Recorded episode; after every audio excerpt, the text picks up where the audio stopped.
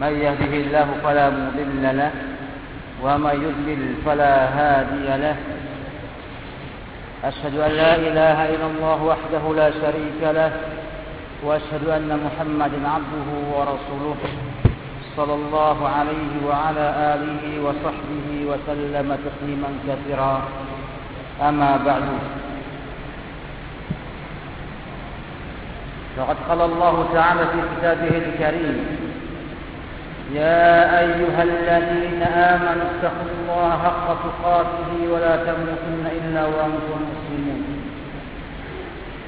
وقال يا أيها, يا أيها الناس اتقوا ربكم الذي خلقكم من نفس واحدة وخلق منها زوجها وبث منهما رجالا كثيرا ونساء واتقوا الله الذي تساءلون به والأرحم إن الله كان عليكم رقيبا. وقال يا أيها الذين آمنوا اتقوا الله وقولوا قولا سديدا. يصلح لكم أعمالكم ويغفر لكم ذنوبكم. ومن يطع الله ورسوله فقد فاز فوزا عظيما. ثم أما بعد فإن أصدق الحديث كتاب الله. وخير الهدي هدي محمد صلى الله عليه وسلم. شر الأمور محدثاتها فإن كل محدثة بدعة وكل بدعة ضلالة وكل ضلالة في النار. إخوتي في الله رحمكم الله. كطويلة Sungguhnya Allah Subhanahu wa taala telah melimpahkan kepada kita anugerahnya, karunia-Nya, nikmatnya yang tidak bisa kita hitung dan kita sebut dengan bilangan. Sebagaimana dijelaskan oleh Allah Subhanahu wa taala Wa in ta'uddu ni'matallahi la tuhsuha Jika kalian menghitung nikmat-nikmat Allah, Allah pasti tidak akan mampu untuk menghitungnya. Oleh karena itu wajib bagi setiap kita semua untuk bersyukur kepada Allah Subhanahu wa taala. Bersyukur dengan syukur yang benar.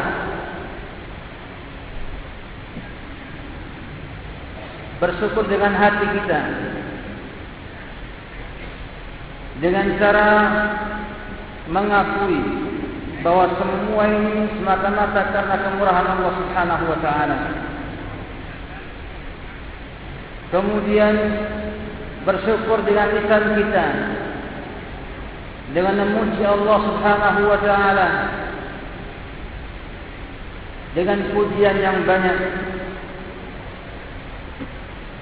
dan bersyukur kepada Allah Subhanahu wa taala dengan amalan kita dengan anggota tubuh kita dengan mengamalkan semua perintahnya dan menjauhi semua larangannya.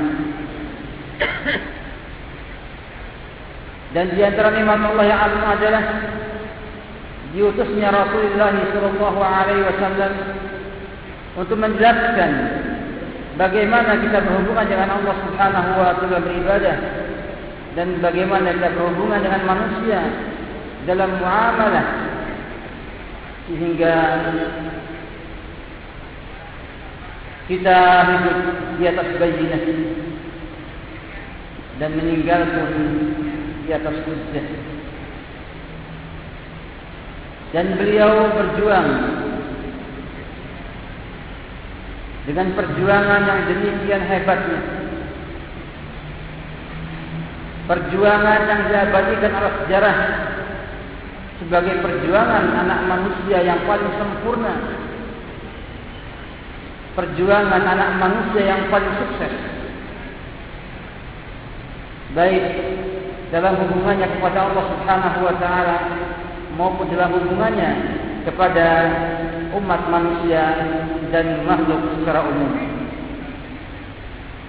Semoga salawat dan salam dilimpahkan kepada beliau sallallahu alaihi wasallam dan keluarganya, sahabat-sahabatnya yang merupakan contoh terbaik kita semua. Contoh generasi yang terbaik yang Allah Subhanahu wa taala sampaikan dalam firman-Nya, "Kuntum khairu ummatin ukhrijat lin-nasi ta'muruna bil ma'ruf wa tanhauna 'anil munkar wa tu'minuna billah." Demikian juga para tabi'in, para tabi'in tabi'in dan para ulama dan kaum muslimin yang mengikuti jalan dan langkah para sahabat radhiyallahu anhum sampai hari kiamat nanti. Ikhwah fillah rahimakumullah. Pada hari yang berbahagia ini insyaallah taala kita akan mencoba untuk membedah satu permasalahan yang cukup penting dalam kehidupan kita sehari-hari. Yang kita coba untuk mengambil satu buku yang kita antum jadikan sebagai aturan ataupun sebagai pegangan untuk kemudian dipahami dan diamalkan buku yang ditulis oleh saudara saya Fillah Ustaz Muhammad Arifin Badri seorang mahasiswa S3 di Jamiah Islamiyah Madinah dan mudah-mudahan setelah Ramadan bisa selesai pendajaran ketiganya di kuliah fikih di Jamiah Islamiyah Madinah. Kitab ataupun buku yang akan kita lihat adalah kitab sifat perniagaan Nabi Sallallahu Alaihi Wasallam yang beliau banyak ambil dari kitab Asy-Syarhul Mumti' ala Zadil Mustaqim karya Syekh Muhammad Ibn Saleh Al-Utsaimin. Dan sebagaimana kitab ataupun buku yang ada tidak lepas daripada kesalahan ataupun pendapat yang marju yang diambil sehingga kita perlu membedah dengan lebih sistematis dalam kajian yang singkat ini. Ikhwafillah rahimahnya Allah iya.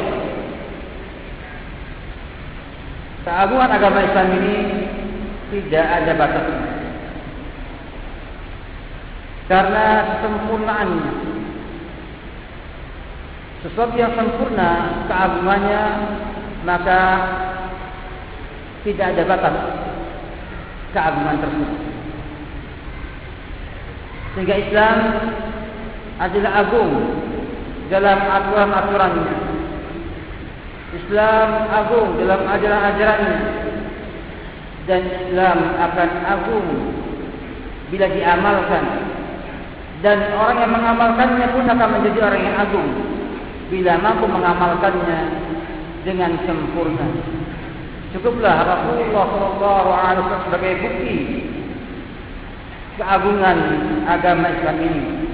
Beliau mengamalkan semua ajaran Islam tanpa kecuali dengan sempurna dan menyampaikan dengan sempurna sehingga beliau menjadi manusia yang paling sempurna akhlaknya, sempurna ibadahnya dan sempurna dalam segala halnya. Walaupun sifat kemanusiaan tetap melekat padanya. Inilah sosok insan kamil yang seharusnya menjadi panutan dan teladan bagi kita semuanya. Sehingga Allah Subhanahu wa taala mengatakan, "Laqad kana lakum fi rasulillahi uswatun hasanah liman kana yarjullaha wal yawmal akhir wa dzakarallaha katsira." Demikianlah karena Allah Subhanahu wa taala mengutus beliau dengan membawa petunjuk dan amal saleh sebagaimana Allah jelaskan dalam surat At-Taubah ayat 33 Arsala rasulahu bil huda wa dinil haqqi liyudhhirahu 'ala ad-din kulli walau karihal musyrikun Dialah yang mengutus rasulnya dengan membawa petunjuk ditafsirkan oleh Taimiyah rahimahullah taala dengan ilmu nafi. Demikian juga Imam Ibn Qayyim rahimahullah taala menafsirkan dengan ilmu nafi. Wajibul haqqi agama yang benar dan ditafsirkan oleh Syekhul Islam Ibn Taimiyah rahimahullah taala dalam Majmu' al-Fatawa dengan amal saleh liyudhhirahu 'ala ad-din kullihi untuk menangkannya wamiruhu di sini para ahli tafsir mengatakan kembalinya kalau tidak kepada Muhammad sallallahu alaihi wasallam ar-rasul atau kembali kepada dinul haq. Bila kembali kepada Rasulullah sallallahu alaihi wasallam menunjukkan bahawa Allah menangkan Rasulullah sallallahu alaihi wasallam semua ajaran yang ada karena membawa ilmu yang manfaat dan amal saleh. Dan bila dia kembali kepada agama untuk memenangkan agama Islam atas agama-agama yang lainnya maka agama Islam itu menjadi menang karena berisi ilmu yang manfaat dan amal yang soleh. Oleh karena itu, bila kita semua ingin menang, ingin jaya, ingin kembali menguasai dunia ini, maka wajib untuk memiliki ilmu yang manfaat dan amal yang soleh. Dengan ilmu yang manfaat dan agama benar yang amal soleh inilah agama Islam akan jaya. Bila kaum muslimin tidak punya ilmu yang manfaat atau tidak punya amal yang soleh, maka masih jauh untuk bisa mencapai kejayaan. Ibn Al-Qayyim rahimahullah ta'ala menjelaskan dalam kitab Zadul Ma'ad menafsirkan ayat ini kata beliau ayat ini menunjukkan Allah telah menyempurnakan dan memenangkan agama ini atas seluruh agama di bumi. Hal ini menjadi penguat hati kaum mukminin kabar gembira dan penguat mereka serta membuat mereka selalu percaya penuh terhadap janji Allah yang pasti terjadi. Sehingga tidak ada prasangka terhadap apa yang terjadi pada perjanjian Hudaybiyah berupa penekanan dan sikap mengalah Rasul sallallahu alaihi wasallam sebagai kemenangan Allah dan tidak juga kesalahan Rasulullah dan agamanya. Hal ini tidak mungkin karena Allah telah mengutus Rasulnya dengan membawa agama yang benar dan berjanji akan memenangkannya atas seluruh agama yang ada. Ungkapan cukup indah dari Al-Qayyim ini memberi kepada kita faedah. Ayat ini adalah janji Allah Subhanahu wa taala untuk menangkan agama Islam atas seluruh agama penduduk bumi dengan ilmu yang manfaat dan amal yang saleh. Sehingga menjadi penguat hati kaum mukminin dan membuat mereka percaya penuh dengan semua janji Allah Subhanahu wa taala. Sehingga mereka kaum muslimin khususnya Abu Bakar As-Siddiq radhiyallahu taala anhu ketika perjanjian Hudaybiyah yang bila dilihat kita selalu nampak bahwa itu adalah kemenangan bagi kaum Quraisy dan kekalahan pada Rasulullah wasallam. Rasulullah mengalah meminta bismillahirrahmanirrahim. Tidak mau Quraisy. Tulis Allah ya Ali bismika Allahumma. Rasulullah menurut. Beberapa poin-poin lain menunjukkan seakan-akan dalam bentuk lahiriahnya kekalahan bagi Rasulullah sallallahu alaihi wasallam. Namun orang yang mengimani ayat ini mengatakan tidak mungkin ini kesalahan bagi Rasul dan umat Islam. Dan ternyata itulah kemenangan bagi Islam dan kaum muslimin. Dengan sebab seperti yang Hudaybiyah lah Islam bisa tersebar ke mana-mana ketika itu. Dan Rasulullah SAW mendapatkan Fathu Mekah setelah perjanjian Hudaybiyah. Oleh karena itu agama Islam menjadikan ilmu dan amal sebagai suatu target yang diperlombakan manusia. Kita menganjurkan perlombaan cari ilmu dan amal yang saleh.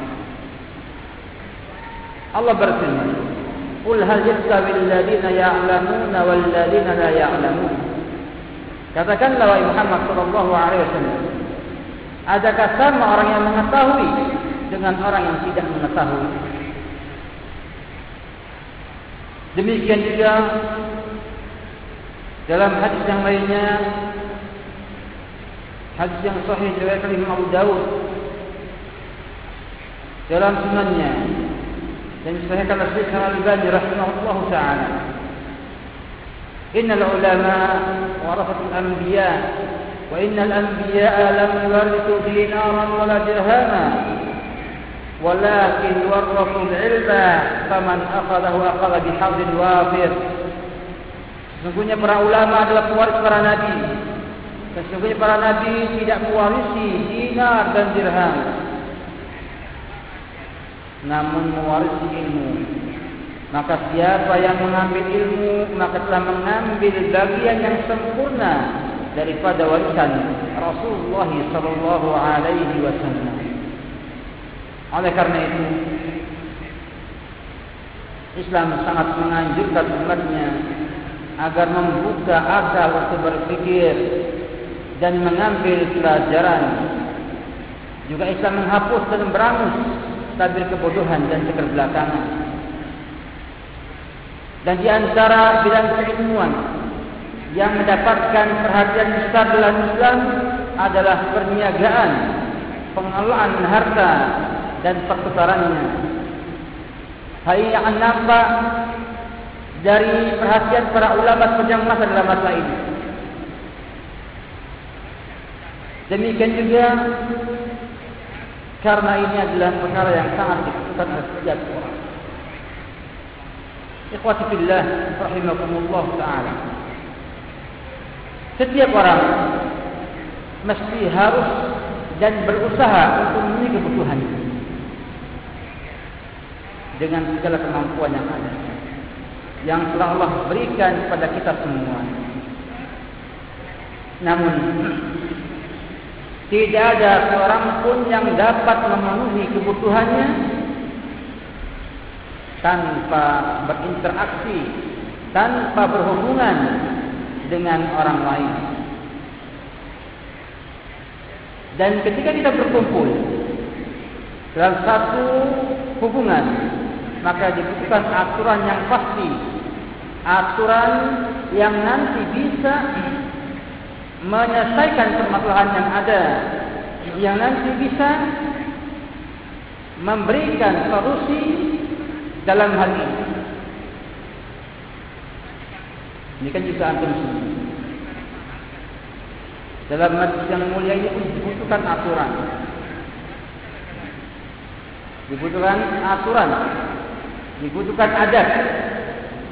Sehingga tidak boleh seorang semena-mena berbuat tanpa melihat orang lain. Apalagi kalau sudah menyangkut yang namanya harta yang kata Rasulullah SAW inna likuli ummatin fitnatan.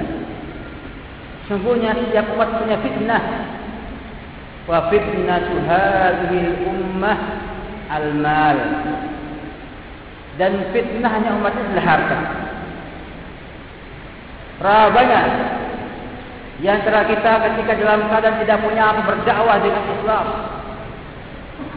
Berdakwah saling bahu membahu namun ketika Allah bukakan pintu rezeki Allah bukakan banyaknya orang yang mau menerima agama Islam ini mau menerima manhaj yang benar ini maka mulailah sana adanya fitnah-fitnah yang sangat banyak. Demikianlah fitnahnya umat ini kata Rasulullah adalah harta. Oleh karena iman itulah berilah perhatian yang baik, berilah perhatian yang baik terhadap permasalahan pengelolaan harta dan pengembangan. Di zaman sekarang ini permasalahan pengelolaan harta khususnya jual beli dan bentuk-bentuknya berkembang pesat. Dan cukup pelik untuk dimengerti. Dari yang reguler, yang tradisional, jual beli harta dengan harta, barang dengan barang barteran sampai kepada direct selling, penjualan secara langsung dan juga ada pemasaran berjenjang dan segala-galanya banyak nama-nama yang kita sendiri kalau ingin menelitinya bukan waktu, bukan perhatian dan kesabaran yang sangat banyak. Belum lagi bila kita melihat kepada permasalahan yang lebih besar lagi, permasalahan yang lebih mendunia lagi, maka didapatkan ternyata permasalahan ini adalah masalah yang besar. Yang seharusnya ada yang menekuninya ada yang nanti bisa memberikan pemecahan terhadap masalah-masalah kontemporer masalah-masalah yang baru-baru yang kekinian ya, yang memang itu terjadi dewasa ini dan kita sendiri bersinggungan dengan hal ini menuntut setiap muslim untuk mengerti hukum Islam tentang semua muamalah semua amalan dia dalam mengolah harta tersebut. Sebab usaha yang haram memiliki implikasi buruk, memiliki akibat buruk yang sangat banyak. Di antaranya adalah ditolaknya doa. Saya pada waktu ini karena waktu sangat sempit tidak tidak bisa menyampaikan kan akibat buruk usaha yang haram. Namun saya ambil satu untuk sebagai motivasi bagi kita semua untuk berusaha mencari harta yang halal untuk berupaya memiliki usaha-usaha yang halal dalam rangka untuk uh, maslahat kita dunia dan akhirat.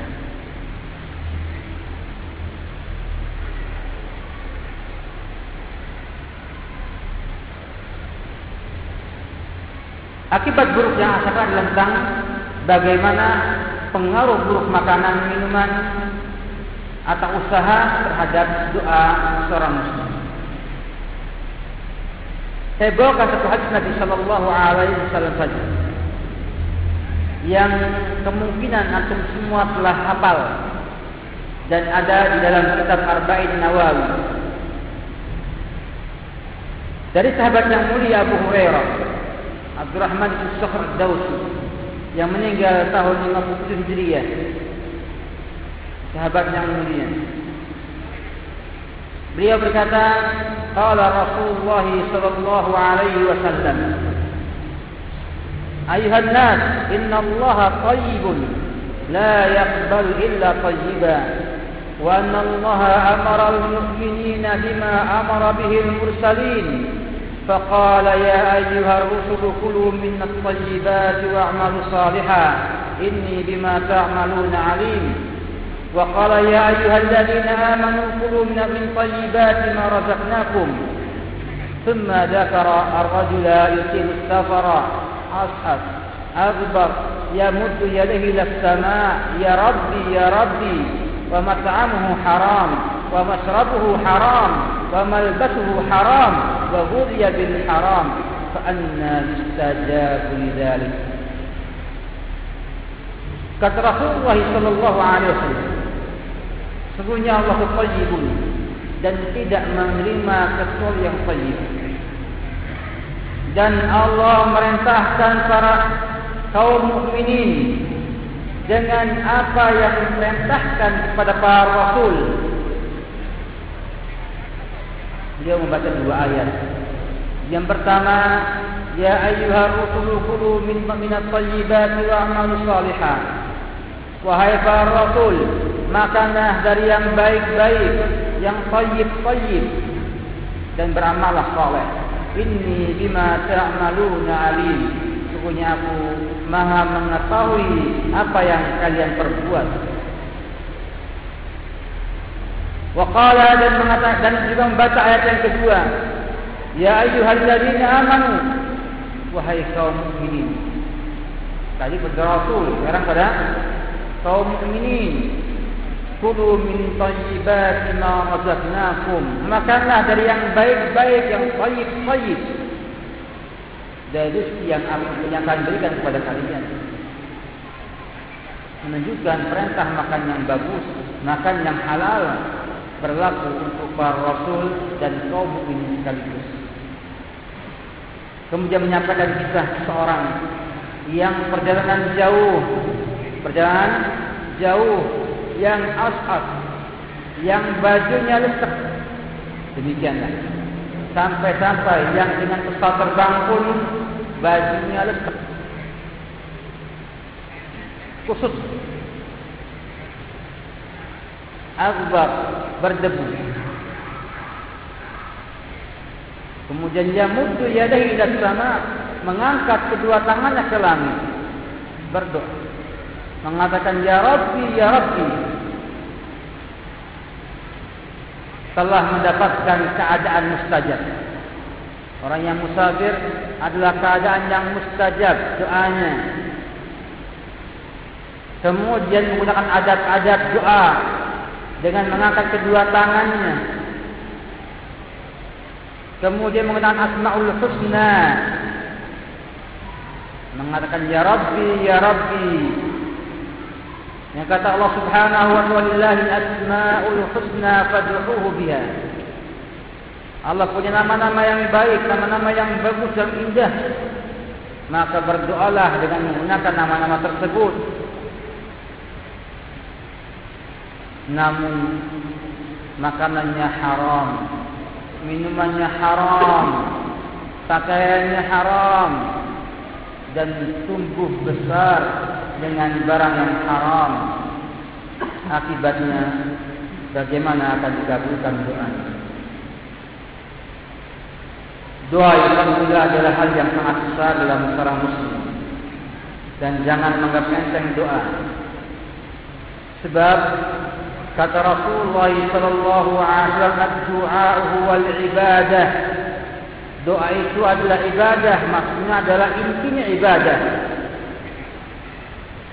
bahkan Allah subhanahu wa taala menyampaikan doa dengan bahasa ibadah dalam firman-Nya surat Ghafir ayat 60 wa qala rabbukum ud'uni astajib lakum إن الذين يستكبرون عن عبادتي سيدخلون جهنم داخرين Dan Rabb kalian berfirman berdoalah kepadaku pasti aku kabulkan sesungguhnya orang yang sombong dari ibadah kepadaku artinya orang yang sombong tidak mau berdoa kepadaku akan aku masukkan ke dalam jahanam dalam keadaan ini. Oleh karena itu, bila doa kita saja ditolak oleh Allah Subhanahu wa taala, padahal dia adalah ibadah yang paling besar. Bagaimana dengan ibadah yang lain-lainnya? Akibat makanan, minuman dan usaha kita itu usaha yang haram. Oleh karena itu Imam Ibn Rajab rahimahullah ta'ala dalam kitab Jami'ul Ulum wal Hikam Syarah Arba'in An-Nawawi wa Ziyadah kata beliau harus menunjukkan bahwa amal tidak terima dan tidak suci kecuali dengan makan makan yang halal sedangkan makan makanan yang haram dapat merusak amal perbuatan dan membuatnya tidak diterima. Istimbak. Istidlal yang demikian jalan dari Imam Ahli Sunnah wal Jamaah Imam Salafi Ibn Rajab Al-Hambali rahimahullahu taala. Oleh karena itu para ulama terdahulu, para sahabat Nabi radhiyallahu anhum demikian hati-hati dalam permasalahan makanan minuman yang dimakan dalam usaha-usaha mereka sehingga muncullah di antara mereka saat Nabi Waqqas yang doanya pasti dikabulkan Allah Subhanahu wa taala. Dan beliau ditanya apa sebabnya membuat beliau doanya dikabulkan? Oleh Allah Subhanahu wa taala beliau menjawab aku tidak mengangkat suap makanan ke mulutku kecuali aku mengetahui dari mana datangnya dan dari mana ia keluar mengetahui dari mana datangnya harta itu lain dengan zaman sekarang. Ungkapan mereka mengatakan zaman sekarang ini ungkapan kaum muslimin sebagian kaum muslimin ustaz yang jangankan yang halal yang haram saja susah. Jadi nampaknya benar kata Rasulullah sallallahu alaihi wasallam. Dalam hadis riwayat dari Imam Al-Bukhari rahimahullahu dalam sahihnya. Rasulullah bersabda sayati zaman al-mar'u fihi la yubali. Min aina iktasaba amin al-halal amin al-haram. Akan muncul satu zaman seseorang padanya tidak melihat, tidak peduli dari mana ia mendapatkan hartanya. Apakah dari yang halal ataukah yang haram? Dan sekarang subhanallah sudah banyak yang nampak demikian. Dan mudah-mudahan Allah Subhanahu wa taala menyelamatkan kita daripada sifat orang yang sangat tercela ini yaitu yang dia itu tidak peduli apakah halal atau haram. Yang penting harta. Inilah pentingnya kita membahas permasalahan permasalahan yang menyangkut usaha-usaha yang halal. Hingga Rasulullah SAW mengatakan dalam hadis yang lainnya innahu la yarbu lahmun nabata min suhkin illa kanat an-nar awla bihi riwayat tirmizi dan sahihkan oleh Syekh Al-Albani dalam kitabnya Sahih Tirmizi Sungguhnya tidak berkembang daging yang tumbuh dari makanan yang haram kecuali rasa lebih pantas bagi tidak tumbuh berkembang daging dari makanan yang haram kecuali api neraka lebih pantas untuknya. Ungkapan yang cukup tegas ya, tentang bahaya usaha yang haram dalam hal. Oleh karena itu para ulama rahimahullah taala memberikan perhatian yang serius dalam masalah ini agar jangan sampai kaum muslimin memakan harta yang haram. Ikhwatillah rahimakumullah. Dari penelitian di atas dapatkan bahawa mempelajari fikih jual beli, mempelajari hukum-hukum perniagaan bukanlah hal yang sepele. Bukan hal yang sepele. Namun adalah perkara yang besar. Yang seharusnya kita semua memiliki perhatian dengan banyak membaca buku-buku yang menyangkut usaha-usaha kita dengan bertanya kepada para ulama para ustaz yang memang memiliki kemampuan untuk itu agar upaya kita nanti usaha kita nanti Allah berkali dan kita selamat daripada bahaya buruk dari usaha yang haram tersebut. Ini yang membuat atau mendorong saya untuk menyampaikan permasalahan ini dalam daurah ataupun kajian hari ini. Ikhafillah. Kita coba insyaAllah dalam daurah ini membuat pembahasan ini lebih hidup dengan memberikan contoh-contoh ya, yang diharapkan bisa memahamkan antum semua tentang fikih jual beli. Karena hal ini sebenarnya harus dikaji dalam daurah yang khusus yang membahas tentang bagaimana memahami fikih muamalah maliyah, fikih pengolahan harta dan membutuhkan waktu yang cukup panjang. Namun insyaallah taala kita coba untuk menerapkan kaidah mala yudraku kulluhu la yudraku kulluhu. Yang tidak bisa kita ambil semuanya, tidak kita akan tinggalkan yang ada itu. Coba kita akan sampaikan insyaallah itu dengan uh, ringkas tentang permasalahan permasalahan ini semuanya. Jual beli semua orang paham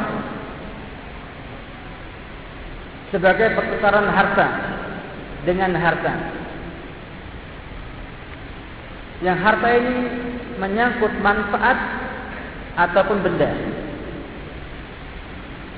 Manfaat ini dalam bahasa jasa. Sehingga jasa bila dibayar dengan uang ini termasuk bab jual beli. Demikian juga benda dengan benda. Ini juga termasuk jual beli. Ini yang pertama saya sampaikan semua agar punya gambaran bahwa pembahasan jual beli ini ini membahas juga permasalahan jasa ya, yang sering kita eh, dapatkan dan kita lihat dalam amalan sehari-hari muslimin di wilayah kita sendiri. Buku ini alhamdulillah tidak lengkap. Dia membahas sebagian daripada fikih jual beli. Membahas tentang syarat jual beli, syarat jual beli dan syarat dalam jual beli ditambah dengan dengan khiyar babu al khiyar ini belum lengkap namun saya lihat Allah alam ya. pembahasannya cukup cukup bagus ya. karena berstandar kepada kitab para ulama rahimahullah taala dan kelebihan buku ini banyak membawakan fatwa-fatwa para ulama seputar muamalah yang berkembang uh, di dalam kehidupan kita sehari-hari. Sampai punya kelemahan tidak lengkap, demikian juga sistematiknya kurang sistematik. Namun kelebihan di buku ini adalah banyak menukilkan fatwa-fatwa para ulama seputar kejadian ataupun bentuk-bentuk jual beli yang banyak kita terlibat dalam. Dan beliau Hafizahullah Ta'ala memulai dengan mukaddimah mencakup kewajiban mencakup kebutuhan sendiri hukum meminta-minta anjuran menjaga kehormatan diri hikmah dilarang meminta-minta dan yang akhir antara dakwah dan kewajiban menafkahi keluarga. Saya pribadi tidak setuju dengan poin yang terakhir ya, yang menekankan bahwa dakwah itu bisa menghalangi atau bisa menghambat kewajiban menafkahi keluarga. Dan seandainya beliau tidak terus ini, maka kita punya lebih baik daripada adanya pesan seperti ini. Memang secara teori, ya, secara teori mungkin saja seorang itu mengatakan, Ustaz saya pilih mana, dakwah ataukah saya pilih dari duit, berniaga. Kita katakan pilih dua-duanya, berniaga dengan dakwah. Berdagang kita dengan menggunakan adab-adab Islam dalam berdagang. Sehingga orang melihat tentang indah. Dan inilah dakwah. Dakwah bilhal. Namun saya akan bahas semua karena ini hanyalah mukaddimah yang jelas saya akan membahas permasalahan-permasalahan yang lebih spesifik yaitu tentang syarat-syarat jual beli, syarat jual beli yang nanti insyaallah dibutuhkan oleh e, kita semua dalam memandang dan melihat e, amalan kita sehari-hari. Namun sebelumnya kita akan singgung insyaallah utara tentang akad. Tentang akad. Para banyak ikhwah kaum muslimin yang salah dalam transaksi. Yang salah dalam transaksi sehingga mengakibatkan terjadinya permusuhan di antara mereka. Islam sangat menganjurkan kita memiliki transaksi dalam semua muamalah kita. Akad atau transaksi menduduki posisi penting dalam dunia pengelolaan dana, dalam dunia perniagaan dan pengelola, pengelolaan harta. Karena transaksi inilah yang dapat membatasi hubungan antara dua pihak yang terlibat dalam perdagangan atau dalam pengelolaan modal yang ada. Dan transaksi ini juga akan mengikat hubungan antara dua orang tersebut di masa awal transaksi sampai nanti akhir transaksi. Dan dalam kata tersebut akan ada di sana hal-hal yang menyangkut syarat-syarat yang harus dipenuhi oleh dua belah pihak kewajiban-kewajiban yang harus dipenuhi oleh kedua belah pihak dan juga menjelaskan komitmen dua pihak tersebut dalam bermuamalah dalam berdagang dan semua akad transaksi itu memiliki konsekuensi, memiliki tuntutan yang wajib dipenuhi oleh kedua orang transaktor, kedua orang yang bertransaksi. Oleh karena itu Allah mengatakan ya ayyuhalladzina amanu aufu bil uqud. Aufu bil uqud. Wahai kaum mukminin, penuhilah perjanjian-perjanjian, transaksi transaksi. Para ulama rahimahullah telah mendefinisikan transaksi dengan keterikatan keinginan dengan keinginan orang lain dengan cara yang memunculkan adanya komitmen tertentu yang disyariatkan. Namun ini sebetulnya sudah dipahami oleh kaum muslimin Sebab kaum muslimin ketika dia itu bertransaksi, maka keinginan dia ini mengikat keinginan orang lain.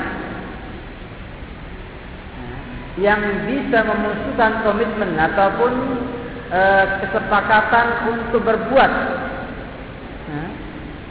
Yang disyarat adalah Islam. Sehingga transaksi ini akan mengikat satu orang dengan orang yang kedua tadi. Dan transaksi ini memiliki memiliki tiga tiga rukun. Transaksi punya tiga rukun. Yang pertama adanya dua pihak yang saling terikat dalam akad. Namanya transaktor atau orang yang membuat transaksi. Penjual. Yang kedua pembeli. Dalam akad nikah ada wali ada mempelai lelaki harus doa ada ini semua yang ketiga akad ini memiliki khiyar atau dikatakan ada bagian yang menjadi objek transaksi. Pertama tadi dua dua orang yang transaksi penjual atau pembeli, wali atau mempelai lelaki. Yang kedua ada objek ya, yang ditransaksikan dan yang ketiga adalah adanya ijab kabul. Ijab kabul. Artinya ada di sana satu ungkapan keriduan dari pihak pembeli atau pihak penjual. Di sini Ustaz Muhammad Arif memasukkan ijab kabul dalam syarat jual beli. Masalah manjang dia di rukun jual beli atau rukun dalam akad jual beli. Yang pertama, semua paham. Gak mungkin kita akan transaksi dengan yang tidak ada lawannya. Dan orang yang transaksi memiliki syarat. Yang pertama punya kemampuan beraktivitas. Ya, anak kecil, ya, dia harus apa? Balik, harus balik dan harus berakal. Jual beli yang tidak, yang dilakukan orang yang tidak berakal tidak sah. Bila ada orang gila jual mobil, maka kalaupun diterima oleh pembeli, maka bisa dikatakan tidak sah jual belinya dan tidak sah akad tersebut. Anak kecil pun demikian. Pada asal anak kecil itu tidak boleh bertransaksi jual beli. Masalahnya, bagaimana bila dia beli permen? Apakah harus walinya yang berikan permen Para ulama rahimahullah menjelaskan hal ini dengan prinsip mengatakan bila dalam hal-hal yang sepele, yang ringan-ringan, maka diperbolehkan karena masa satu satu taisir. Bisa dibayangkan bila kita misalnya punya anak ingin beli permen, kita harus ke warung membelikannya. Kapan kerjanya kita? Namun dalam hal-hal yang besar, hal yang besar maka transaksi anak kecil tidak diakui dalam Islam. Sehingga bila misalnya anak kecil beli bakso, sepede lima ribu, itu sepede hal yang nyaringan dalam diri kita. Bahkan kalau kita kehilangan uang lima ribu, nggak ada sekiranya untuk mencari dengan susah, sayang. Ini namanya kemampuan beraktivitas atau jaizu atau tasarruf dalam bahasa Arab. Kemudian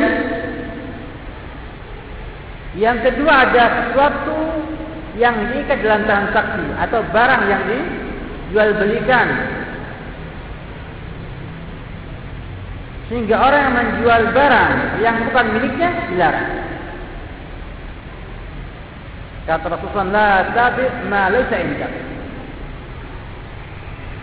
Janganlah kamu menjual yang tidak kamu miliki. Dan ini akan banyak kemaslahan rinciannya. Di antaranya misalnya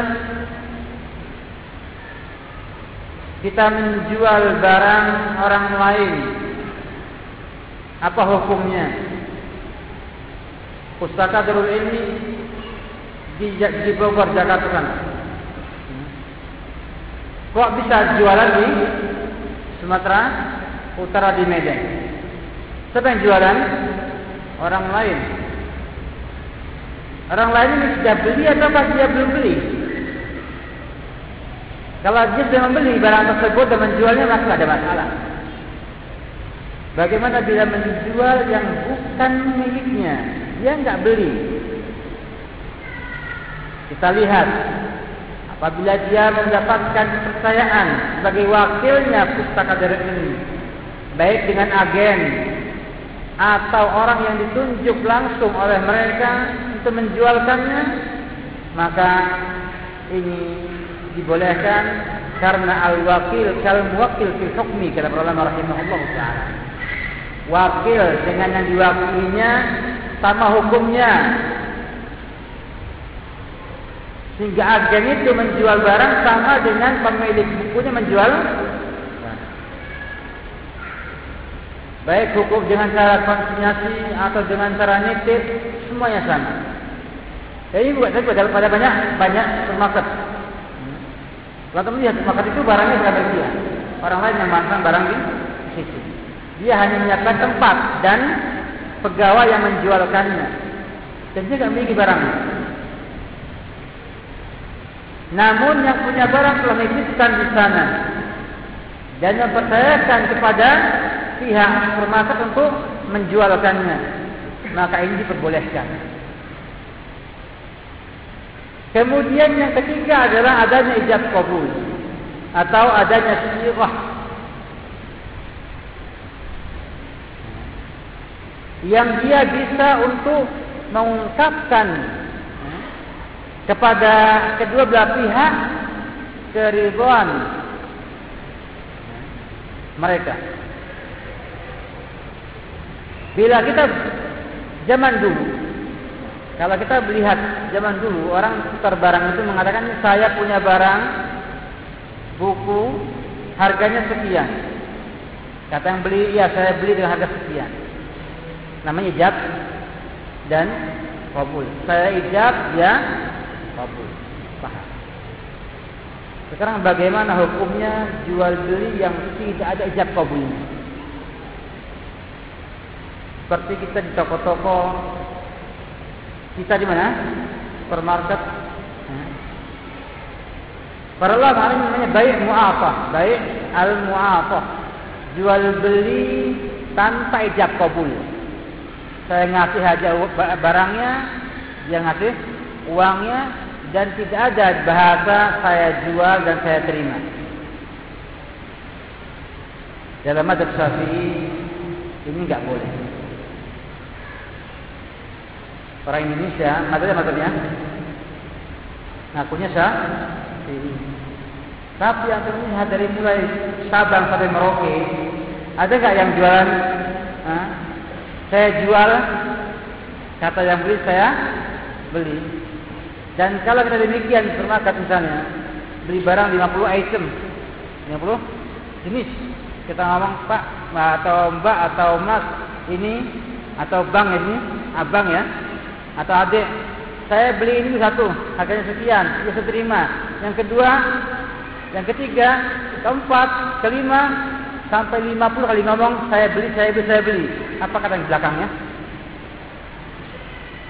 Marah enggak antrian bisa satu hari untuk apa? Beli barang tersebut. Kata jumhur ulama ini sah karena sudah mengungkapkan keridhaan untuk membeli barang tersebut. Hingga kalau kita ngambil 50 jenis barang di satu toko, masuk kafir. Dia itu sama dia jumlah uangnya. Kata dia, Pak, uangnya habisnya setengah. Kasihkan uang setengah. Pergi. Tanpa ngomong saya beli, tanpa ngomong saya jual. Apakah pembeli ini ridha enggak dengan harga segitu? Ridha. Makanya madzhab jumhur dalam hal ini rajih karena inti atau hikmah atau inti daripada ijab kabul adalah menampakkan keridhaannya. Masalahnya yang lain adalah bagaimana saat dalam pernikahan. Nah, boleh enggak cukup dengan hubungan suami istri jadi sah? Perempuannya ridho, laki-lakinya ridho. Jawabannya tidak boleh. Karena dia mitsaqan ghalidha. Wajib menyampaikan lafaz terima dan serah. Cuma di Jawa ada kebid'ahan dalam hal ini. Mereka mengatakan kalau di sana kalau ijab kabul tidak boleh dengan dua kali napas. Jadi harus napas. Jadi angkah suka wajawat suka bi binti fulana binti fulan di mahal kada wa kada satu napas. Kalau dua putus setengah jalan ulang lagi. Ini namanya ulu fitin berlebih-lebihan dalam agama. Ini haram hukumnya. Islam itu mudah. Kalau misalnya yang bapaknya mengatakan saya nikah anak saya sama kamu. Kata yang laki-laki saya terima nikahnya. Sah enggak? Sah. Maharnya enggak. Kalau maharnya dia itu tidak nyebutkan dan tidak ada kesepakatan sebelumnya apa maharnya maka mahar adalah mahar yang seperti itu biasa ada pada perempuan sini. Namanya mahrul misal namun bila sepakati ada maharnya maka wajib laki memberikan mah maharnya. Gampang Islamnya. Jangan dibuat susah Inilah namanya transaksi. Nah, akad ini akad ini para ulama bagi dalam banyak jenis. Ada akad namanya akad muawadah. Akad muawadah yang punya buku ada dalam halaman 39. Yang sudah punya bukunya bisa lihat dalam halaman 39. Pembagian akad jauh dari tujuannya. Ada akad muawarah yaitu akad untuk mencari keuntungan. Contohnya adalah jual beli, sewa menyewa, syarikat dagang, musaqah atau penggarapan tanah. Ini namanya akad muawarah dalam bahasa Arabnya, bahasa syariatnya. Yang kedua akad tabarruk. Akad tabarruk atau akad dalam rangka untuk menolong memberikan penghargaan dan memberikan jasa baik dan uluran tangan dalam bahasa tertentu laba tidak ada keuntungan di sana. Contohnya utang piutang. Ini masuk dalam akad tabarruk.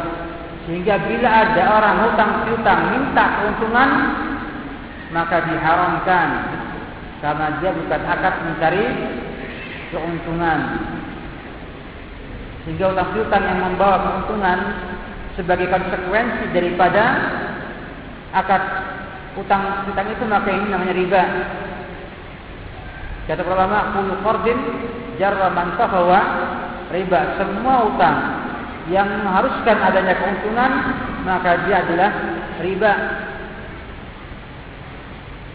Sebagai ulama ada yang menambahkan dengan satu lagi yaitu sebagai wasiqah Akad wasaid.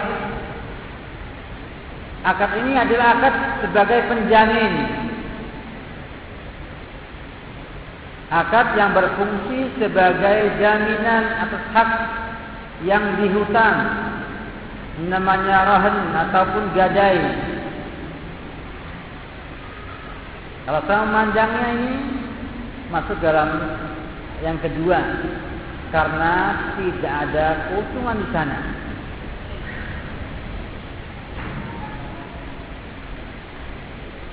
Kenapa kita kok membahas tentang hal ini? Karena yang punya punya tujuan dan punya pengaruh dalam jual beli atau dalam akad muamalah kita. Contohnya hutang piutang. Kalau kita paham hutang piutang dengan mencari keuntungan, maka kita berdosa. Usaha yang haram. Dan bila kita kemudian berupaya memberikan utang kepada orang lain, niatnya membantu, kita dapat pahala Allah Subhanahu wa taala. Walaupun resikonya kita rugi. Demikian juga asuransi. Asuransi bila diinginkan darinya adalah mencari keuntungan maka sepakati haram. Dan asuransi bila tujuannya bukan mencari keuntungan atau akan kita baru maka dihalalkan. Maka dihalalkan. Tapi carilah di mana ada asuransi yang tidak mencari keuntungan menapak pada poin berikutnya. Akad ataupun transaksi ditinjau daripada konsekuensinya. Artinya hukum apa yang akan muncul daripada transaksi tersebut. Ada akad lazim namanya. Akad lazim.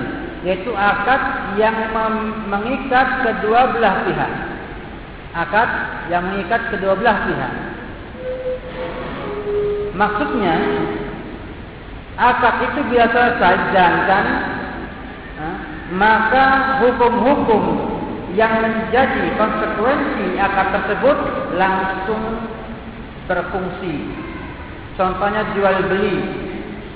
Jual beli ini apa konsekuensinya? Pindah kepemilikan. Pindah kepemilikan. Ini konsekuensi jual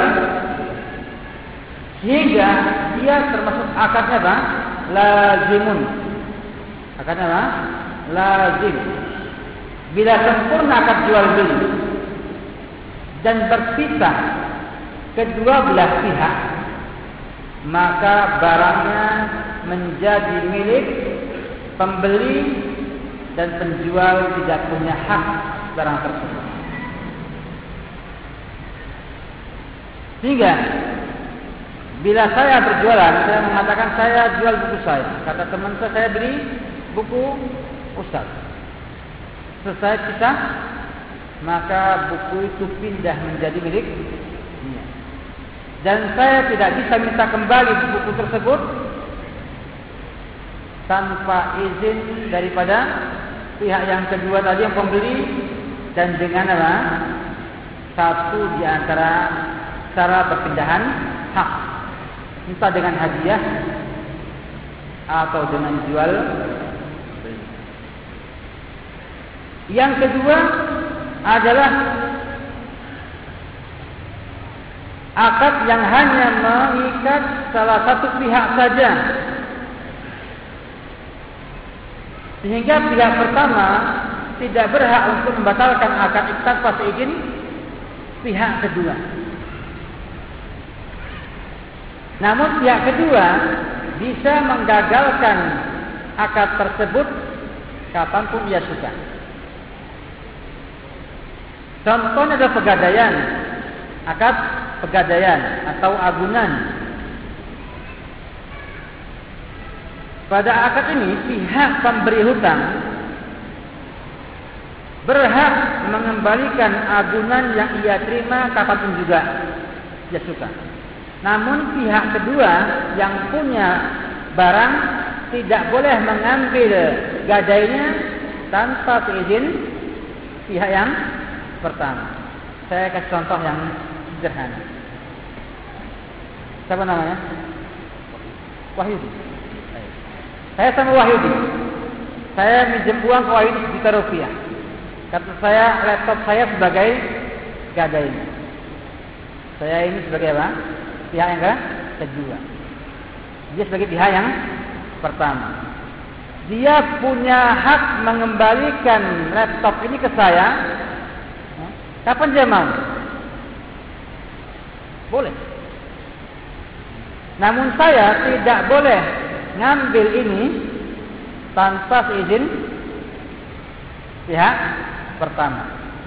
Paham ya? Sebab ini sebagai apa? Jaminan hutang.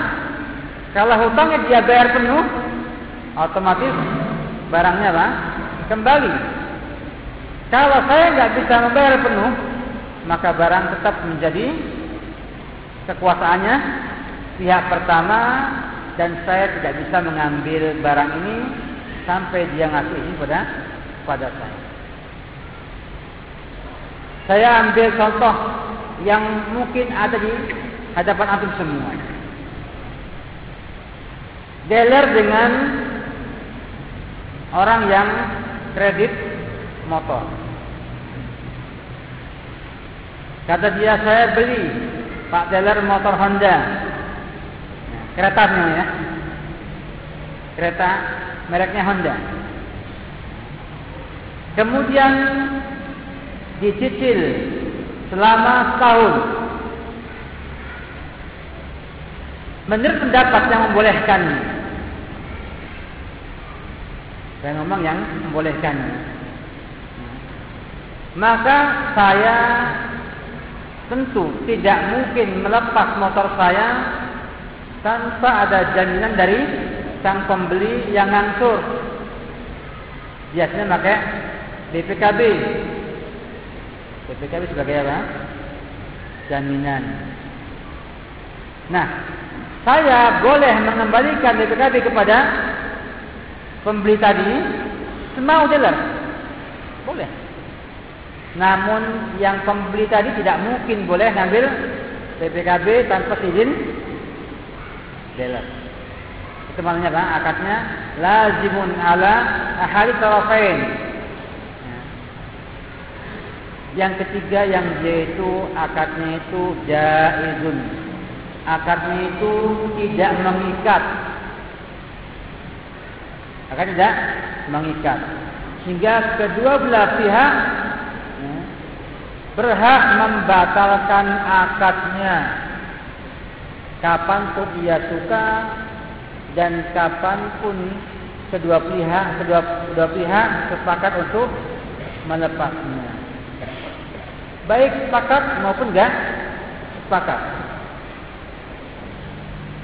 Yang ketiga ada di sana pembagian lainnya yang kita disampaikan oleh Al Badri ya, yaitu adanya akad murakkab dan basir akad basilah akad yang satu. Saya utang saja saja. Saya beli saja sudah cukup. Ada yang akad itu double. Zaman gelar ya, sama pembeli kredit akadnya dua. Yang pertama apa pembelian motor dengan kredit. Yang kedua adanya gadai menjadikan DPK sebagai barang gadai jaminan agar mam dia mau membayar dengan dengan penuh. Banyak akad apa? Bermerokat nah tidak semua akad merokat hukumnya haram. Tidak semua akad merokat hukumnya haram saya tidak mesti kalau satu akad itu Pak ada dua di sana itu mesti dihukumi dengan apa? Hukum haram. Ada rinciannya. Ini beberapa sebagian akad yang perlu kita semua sebelum kita kembali pada uh, syarat-syarat uh, jual beli. Yang panjang saya ringkas, coba ringkas uh, dengan serikatnya, namun memberikan pandangan tentang fikih jual beli ini. Kemudian kita dalam bab yang berikutnya yaitu tentang jual beli dan syarat-syaratnya. Dan sebelumnya kita akan bahas beberapa prinsip tentang jual beli. Yang pertama adalah pada asalnya setiap perniagaan adalah halal. Al-aslu fil muamalah al-hil. Pada asalnya setiap perniagaan itu hukumnya adalah halal. Ini diambil daripada firman Allah Subhanahu wa taala Wa halallahu al-bai'a wa harrama riba Allah menghalalkan jual beli al-bai' dalam bahasa Arabnya alif lam ini adalah istighfar Artinya Allah mengharamkan semua jual beli Semua jual beli dan mengharamkan riba. Dan riba bukan jual beli. Sehingga al-asal pada asalnya bahawa jual beli itu hukumnya adalah halal sampai ada dalil yang menunjukkan keharamannya. Ini adalah kemudahan Islam. Yang kedua, adanya prinsip memudahkan orang lain. memudahkan orang lain. Yang ini perlu diperhatikan oleh kita semua sebagai adab dalam jual beli. Artinya kita tidak semata-mata ego. Tidak semata-mata bagaimana untung sebanyak-banyaknya tanpa memperhatikan orang lain.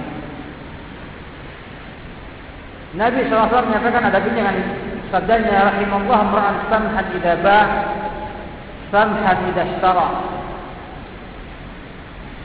Semoga Allah merahmati orang yang dia itu mudah dalam menjual dan mudah dalam membeli. Artinya kalau menjual barang wajar dan memudahkan pembelinya. Dan yang beli pun demikian, gampang dan mudah dalam menawarnya. Karena Islam menganjurkan adanya upaya memudahkan orang lain sampai dalam masalah hutang pun Islam menganjurkan kita untuk memudahkan orang lain dalam firman Allah Subhanahu wa taala wa in kana usratin fa nadiratun ila maisarah bila yang itu susah sempit kehidupannya rezekinya sempit maka kita mudahkan dengan menunggu sampai ya Allah mudahkan membayarnya. Bahkan tahu anta sadaqu khairul lakum. Jika sedekah lebih baik lagi. In kuntum ta'lamun. Jika kalian mau tahu. Juga sini ada perniagaan yang benar dapat menjadi ibadah.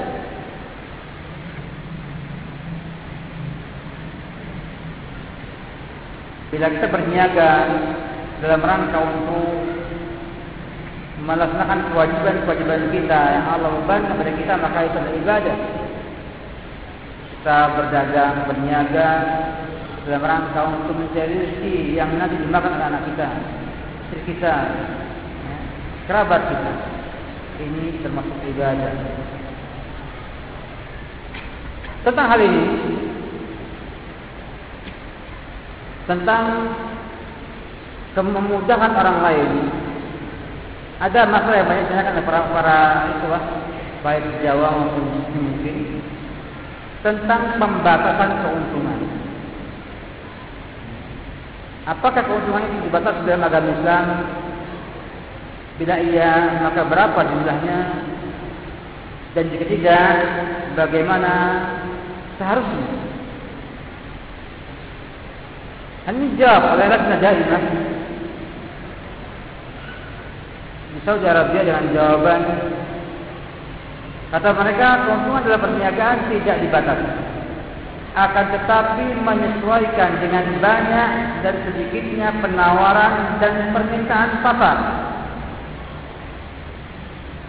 Namun amat dianjurkan bagi setiap muslim baik sebagai pedagang atau lainnya untuk berusaha senantiasa mudah dan memudahkan dalam setiap penjualan pembeliannya dan hendaknya tidak memanfaatkan kelalaian saudaranya guna mengeruk keuntungan besar-besarnya dari penjualan atau pembeliannya.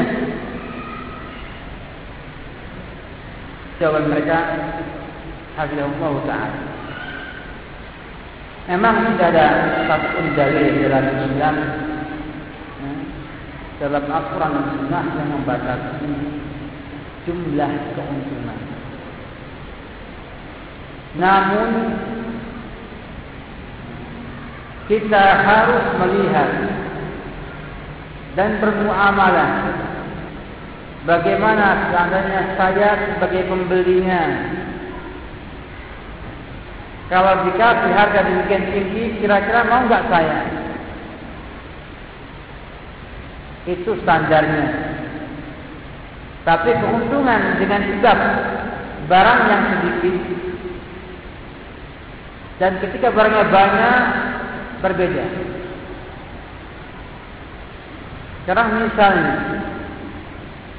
kalau kita mengambil keuntungan sampai dua kali lipat harga kita beli, dan memang barang yang nggak ada, barangnya nggak ada, tidak masalah. Ada barang lainnya. Dan pembeli tahu memang harganya itu enggak segitu. Sehingga ketika dia kemudian mengambilnya dengan ridho dan tidak terpaksa. Namun bila dia yang lalai tidak tahu harga, tidak tahu harga, kemudian dinaikkan sama antum dua kali lipat, dan setelah tahu harga sesungguhnya hanya 50% daripada yang dia beli maka ada di sana namanya siar waben. Siar karena membeli terlalu mahal dan ini kembali kepada adat istiadatnya para pedagang para tajir ya, berapa persen dianggap sudah merugikan konsumen Tak ada dalam kaidah hadis tentang siar. InsyaAllah ta'ala. Juga ada prinsip yang terkenal adalah tentang kejelasan status. Kejelasan status. Artinya, dalam berdagang kita tidak boleh sama sekali menyampaikan barang itu dengan bahasa menampaui batas. Seperti misalnya bergabung dengan kami, anda dalam waktu sebulan menjadi miliarder. Ikut sini, nanti kamu akan begini, begini, begini, begini, untuk menjadi kaya raya dan bisa menjadi uh, orang terkaya di, di dunia. Atau kayak iklan, sabun, sekali mandi, meling, agak meling. Halus lembut, lembut salju. Mungkin ya? Atau iklan, motor lewat semuanya pada pada kabur semuanya pada. Ini namanya dalam bahasa agamanya an-najas. Seorang memaksudkan barang melampaui batas sesungguhnya hukumnya haram. Kalau antum semua yang melihat televisi, kita katakan semuanya najas. Iklannya semua najas. Hingga kalau percaya sama televisi, keliru. Tapi masya Allah ya dibohongi kok senang. Dibohongi sunnah. Sudah tahu kalau dibohong masih larang. Juga tidak merugikan masyarakat banyak. Inilah uh, beberapa prinsip yang perlu diketahui kita dalam berjualan atau berniaga ini. Kemudian yang sudah kita langsung kepada syarat jual beli. Syarat jual beli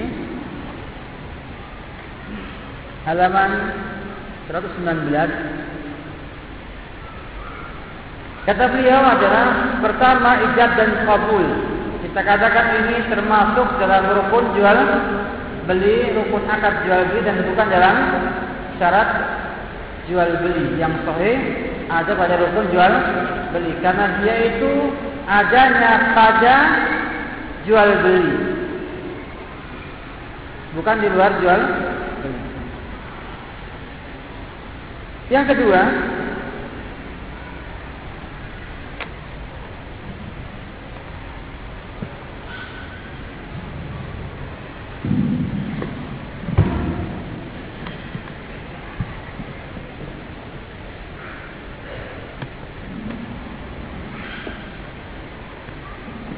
Yang kedua adalah at-tarabi.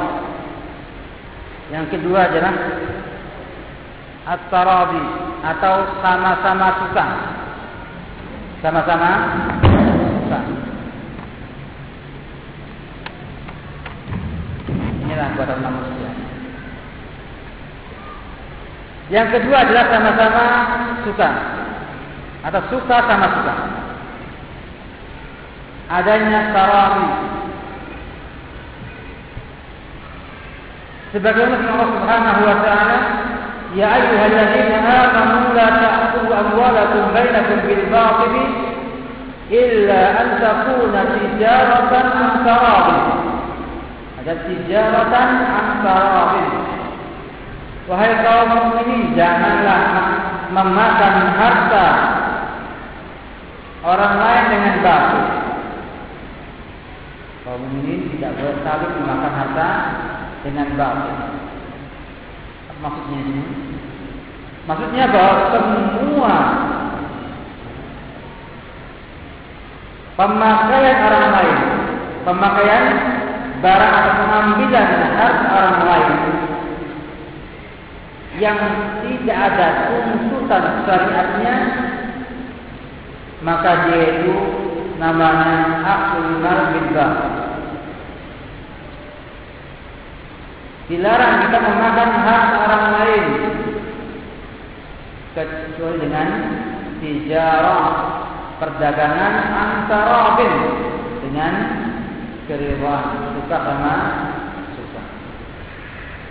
Sehingga bila kita itu mengajak orang lain dengan perdagangan dan dasarnya suka sama suka maka hukumnya adalah dibolehkan. Sehingga Nabi SAW mengatakan Inna malbe antara bin jual beli dengan suka sama suka.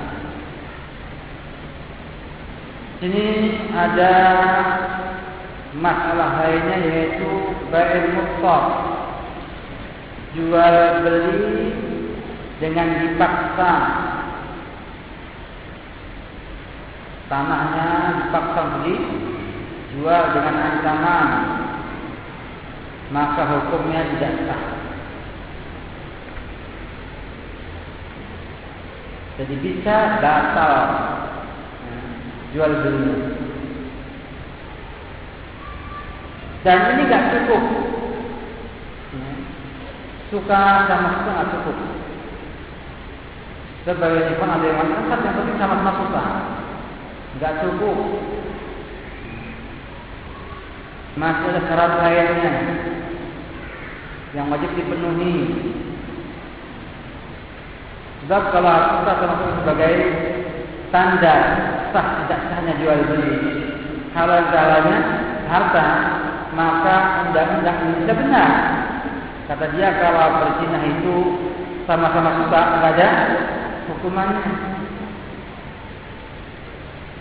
Tak cukup, harus ada yang lain lagi. Yaitu akad jual beli dilakukan oleh orang yang dibenarkan untuk melakukannya. Artinya akad jual beli dari orang yang memang dibolehkan dalam Islam untuk jual beli yang memenuhi empat kriteria merdeka sehingga seorang budak tidak boleh menjual barang tanpa izin saidnya atau tuannya.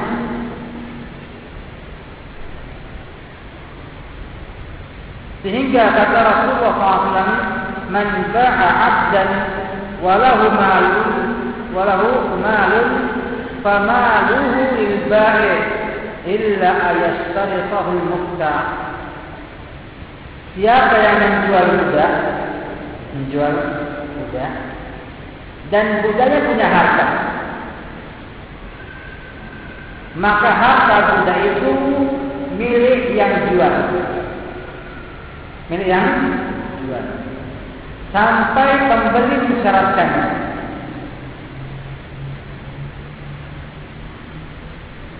Kita beli budak.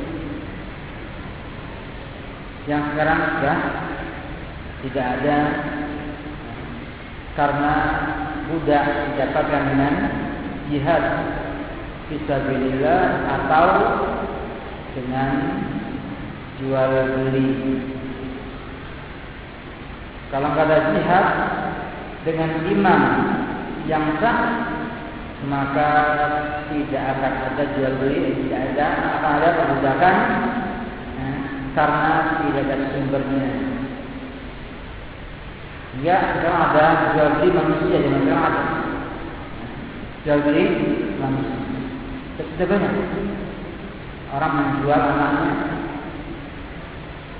menjual anak tetangganya, dan yang lain-lain. Ini haram. Dan tidak yang kedua telah dalil tak boleh jual beli kecuali dalam hal yang ringan dan sepele. Kemudian berakal. Orang gila tidak boleh transaksi jual beli mobil. Harus dengan apa? Dengan orang tuanya atau walinya. Yang keempat harus rusdun. Mampu untuk memilah-milah. Mampu untuk menggunakan barang secara baik. Kalau orang idiot, ya, orangnya sapi, semua barang dibeli, semua barang dijual. Tidak boleh. Atau dia itu orangnya adalah yang muflis, yang bangkrut, utangnya banyak, ya. kemudian tidak mampu membayar dan usahanya hancur. Maka dia tidak boleh menjual barang-barangnya tanpa seizin daripada orang yang dihutanginya. Dan kalau dijual barang yang nanti hutangnya akan lunas selama-lamanya. Hingga dia hanya boleh beraktivitas untuk kebutuhan asasinya saja. Maka minum saja. Itu juga kalau Allah saja uh, mungkin yang lain-lain. Juga ada yang keempat barang yang diperjualbelikan kegunaannya halal. Ini ada dua poin. Yang pertama, barang yang digunakan itu barang yang dijualbelikan berguna. Barang yang dijualbelikan tidak berguna. Yang kedua, kegunaannya untuk hal-hal yang dihalalkan oleh Islam.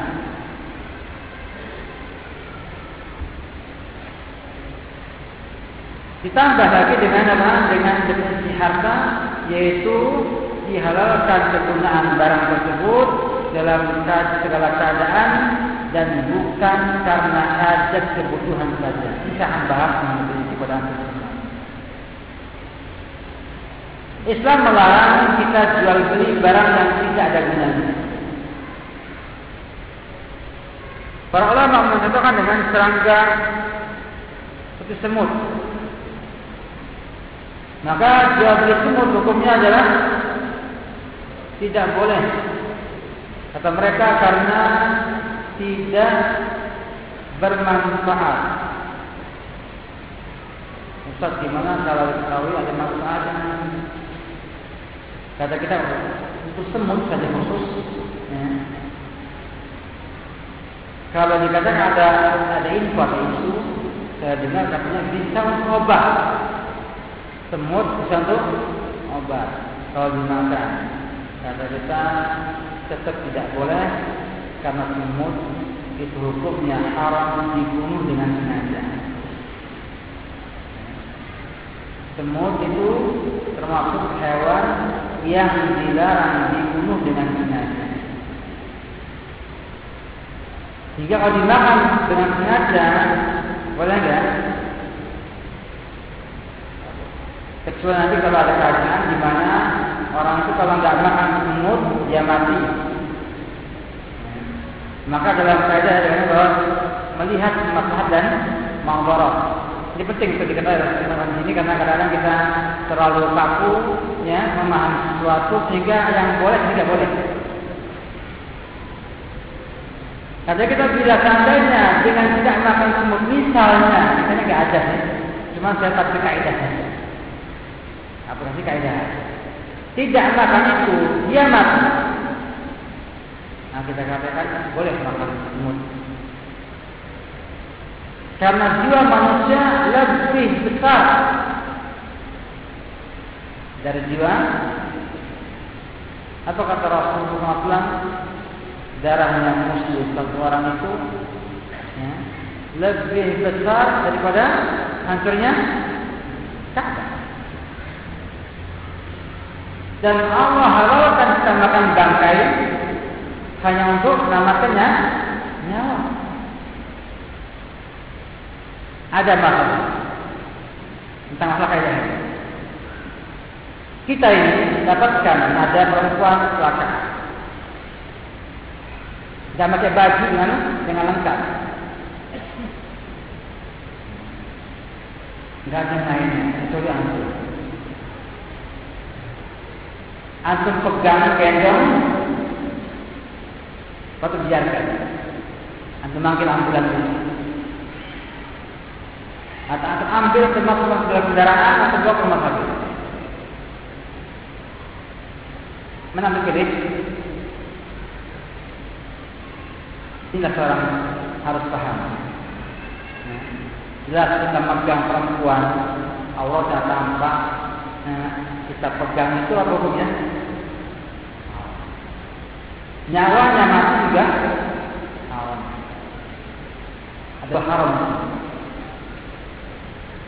Kata kita kalau seandainya tidak dibawa dan kita tidak uh, kita harus kita kalau tidak tidak kita rawat kita bawa itu akan membuat nyawanya hilang atau sakitnya bertambah parah sekali maka kata kita maslahat ya, kita menghindari maksiat kecil madarat dan kita biarkan duit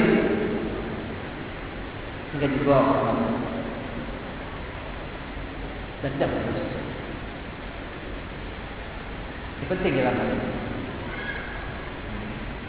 hingga tengah ribut dalam hal yang dianggap haram padahal dalam keadaan tertentu dibolehkan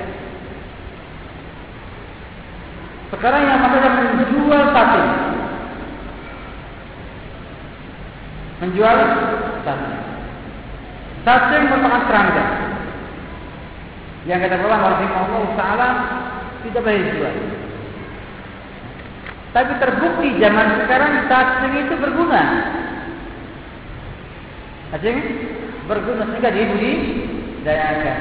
Apa hukumnya kita menjual sate tersebut? Yang pertama kita lihat bergunanya bagaimana?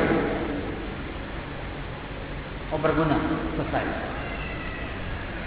Kemudian kegunaannya ini apakah dihalalkan dalam Islam atau tidak?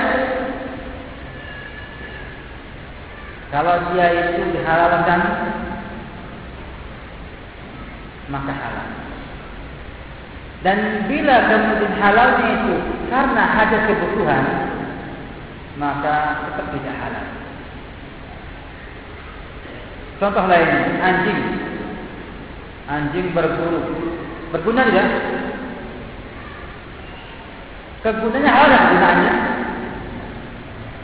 Halal untuk memburu hewan. Dan hewan yang dimakan sama yang digigit sama anjing tersebut, enggak mati, boleh dimakan kita?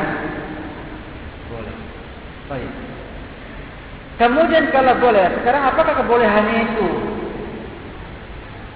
senantiasa ataukah hanya pada waktu tertentu dan kebutuhan tertentu? Kebutuhan saja. Artinya kalau bukan pemburu, boleh nggak punya anjing memburu? Tidak boleh, bukan pemburu. Bukan pemburu, kok punya anjing pemburu buat apa? Maka bila kita kemudian ha, menganggap bolehnya anjing pemburu kita miliki, itu tidak mutlak khusus untuk para pemburu saja. Yang enggak berburu dan pernah berburu, ya, jangan punya anjing. Karena halal itu karena hajat. Ini penting dalam banyak hal. Sekarang saya dengar ada orang bisnis tokek. Tahu tokek? Hah? Tiktok yang video-video ini. Apa tuh? Pakai juga. Katanya mahal. Apa hukumnya? Apa hukumnya? Hukumnya tidak boleh. Pertama, karena kita diperintahkan membunuhnya. Kita diperintahkan membunuh. Kenapa demikian kata Aisyah radhiyallahu taala? Rasulullah merintahkan untuk membunuh wajah kalau mati ya fatlal wajah fa innahu yamsuku ala ibrahim an-nar karena dulu yaitu niup api supaya Ibrahim mendapatkan yang lainnya pengen madatkan api dia malah ingin meniupkan api supaya tambah Kadang semua yang diperintahkan dibunuh oleh Nabi tidak boleh dijual belikan karena harus dibunuh kalau dijual belikan dibudi dayakan berarti menyisihi perintah Rasulullah SAW demikian juga ular sekarang di perdagangan ular kita katakan Nabi mengatakan ma'akallanna mundu ma'harafna kami tidak pernah damai dengan ular sejak kami dulu meranginya. Artinya wajib membunuh ular. Saya akan lagi dalam kitab Sahih Tarbiyah Tarbiyah. Maka bila kita menjual ular hukumnya adalah haram karena kita dengan menjualnya kita telah membudidayakannya. Yang kedua, kita katakan dengan kita perintah dibunuh maka tidak boleh dimakan dan semua yang haram dimakan haram dijual oleh kita. Demikian juga kita menjual kucing misalnya. Menjual kucing kenapa kita ngomong menjual kucing dalam karung kita katakan menjual kucing di luar karung pun haram. Mau di dalam karung di luar sama-sama haramnya. Kucing berguna. Kucing berguna namun diharamkan dengan dasar hadis Nabi sallallahu alaihi wasallam diriwayatkan oleh Imam Muslim An-Nabi sallallahu naha an bai'il hiyat. Nabi itu melarang jual beli kucing. Rawahu Muslim. Artinya syariat tidak mengharamkan. Demikian juga semua barang yang haram itu tidak dikatakan bermanfaat dalam menjual khamr.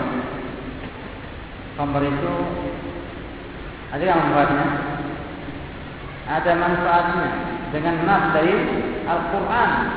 Namun ma berasal lebih besar ismuhum akbar min nafsihima kita katakan tidak bermanfaat maka dia juga diharamkan jual belinya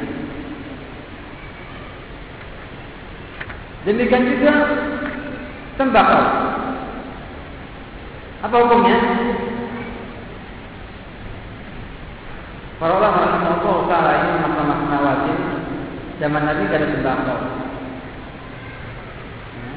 Zaman sahabat tidak ada tembakau. Tabiin tidak ada tembakau. Namun setelah Islam ini menyebar menyebar mendapatkan apa nama tembakau. Nama apa? Tembakau yang dipakai untuk membuat rokok.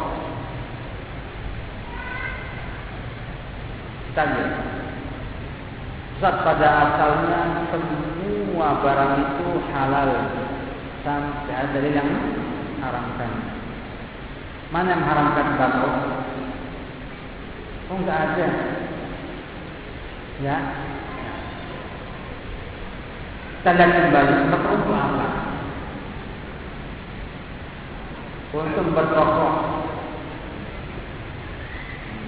Maka kita tanya apa rokok?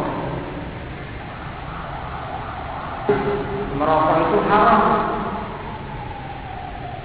Baca larangannya dalam Quran dan tapi kita katakan larangannya adalah keumuman. Hadis Nabi SAW Semua yang merusak wajib dihilangkan Semua yang merusak hukumnya haram Dan rokok ini merusak dengan pengakuan semua ahli medis walaupun mereka merokok. Dokter tahu itu, merokok berbahaya tapi dokter merokok tidak. Ini kita katakan mereka keliru. Sehingga muncullah sana pengumuman perintah menghimbau kepada perokok jangan merokok karena mengakibatkan? Kanker, potensi merusak janin, lagi jantung, lagi paru-paru, lagi yang kurang satu, buta huruf, buta huruf, sebab yang merokok tidak bisa baca. Yang merokok bisa membaca. Karena hukumnya haram. Nah, karena haram semua yang dia itu menjadi wasilah haram hukumnya haram. Tembakau menjadi bahan bakunya rokok. Maka malah yang ini al-muharram illa fi bila tidak sempurna yang haram kecuali dengan dia maka dia jadi haram. Timbul masalah Ustaz, apakah tembakau hanya rokok saja sehingga diharamkan sampai hari ini kita tidak dapatkan tembakau kecuali untuk. Nah, bila kemudian dengan perkembangan teknologi kemudian didapatkan orang bisa membaginya tembakau ya, tembakau kemudian berguna tidak merusak kita katakan tembakau bila dibuat untuk rokok haram bila dibuat untuk minyak yang berguna maka dia saya berpikir yang sedikit Kalau saya dengar di Korea sudah mulai ada yang membuat penelitian menggunakan minyak tembakau untuk pengobatan. Tapi saya belum belum tahu. Sengkeh untuk rokok, namun minyak sengkeh untuk obat. Benar hukumnya? Kita katakan boleh kita menjual sengkehnya itu kepada pabrik rokok, maka hukumnya haram. Dan bila kita menjual sengkeh kepada pabrik minyak sengkeh, maka hukumnya haram. Apa jual sengkeh kepada ibu itu di pasar jualan bumbu masak? Paham ya cara penggunaan hukum seperti ini? Sudah begini paham, itu penting dalam Demikian juga hukum ayam, ayam bangkok. Apa hukum jual belinya? Jangan-jangan ada ikan yang jual beli ayam bangkok. Saya katakan bila ayam itu dijual tapi pada orang yang suka adu ayam, hukumnya haram. Tapi kalau dijual di pasar, hukumnya apa? Ini nama dalam bahasa Islam tasdud dawaih. Ada ilmu khusus namanya. Sama dengan antum jualan pisau, jualan napan M16 misalnya atau AK47 misalnya. Atau bom. Apa hukumnya?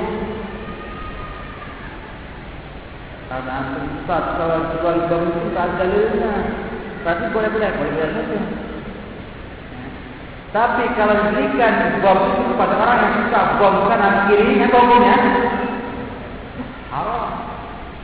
Sama jika muncul fitnah kaum muslim dengan muslim berperang.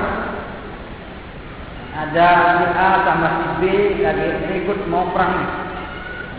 Kalau bahasa lampungnya mau jahat. Kamu jual pisau mana? Kau ini bagus.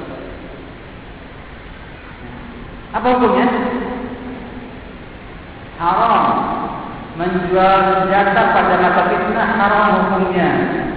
Karena dia malah memperkeruh keadaan, malah membuat apa? Tambah besar fitnahnya. Tapi kalau orang dijajah, negara dijajah oleh penjajah Eropa, kemudian menjual bom sama mereka, mereka sama orang yang ingin merdeka, hmm? boleh. Nih bomnya itu pakai untuk ngebom ah, penjajah yang ada. Bukan pakai untuk membom alam hotel Marriott. Ya.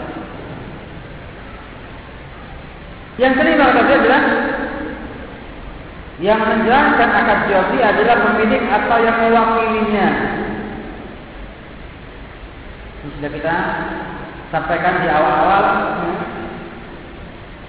bahwa dibolehkan orang yang mewakili menjual barang orang yang mewakili dibolehkan menjual barang bersama pemilik barang tersebut. Lalu bagaimana hukumnya bila orang menjual barang pemiliknya namun pemiliknya hutang?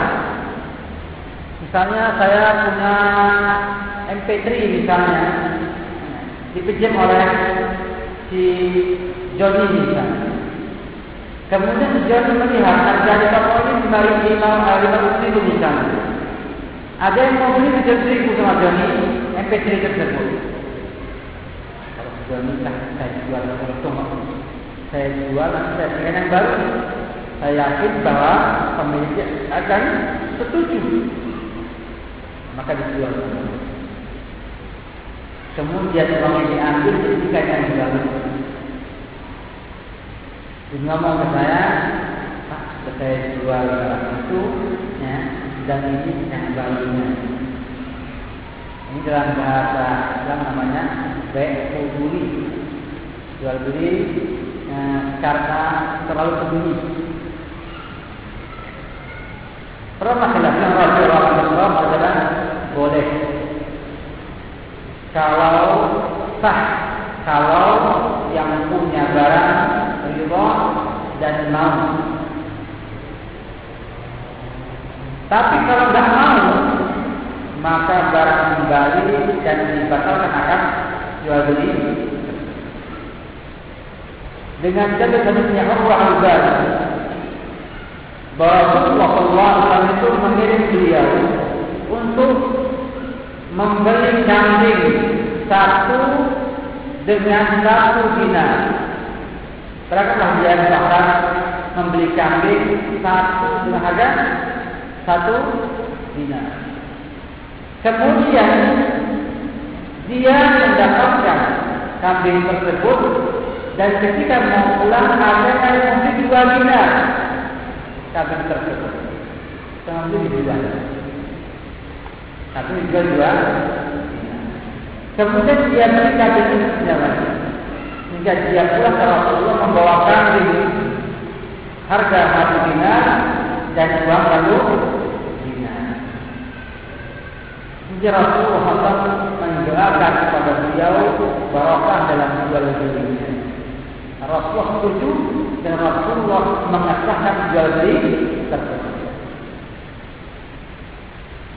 Demikian juga adalah hal ini adalah jual beli yang tidak yang bukan miliknya.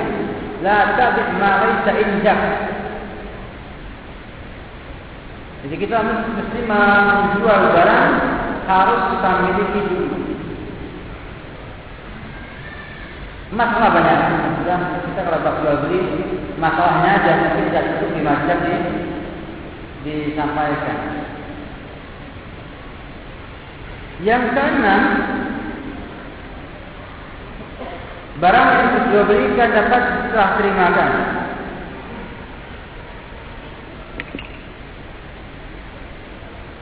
Jadi barang yang dijual belikan dapat setelah terimakan. Yang tidak setelah terimakan hukumnya tidak boleh. Dalam banyak sampai kepada kita Contoh-contohnya ini kata Rasulullah SAW Nah Rasulullah SAW Bi'al gharar Rasulullah melarang jual beli gharar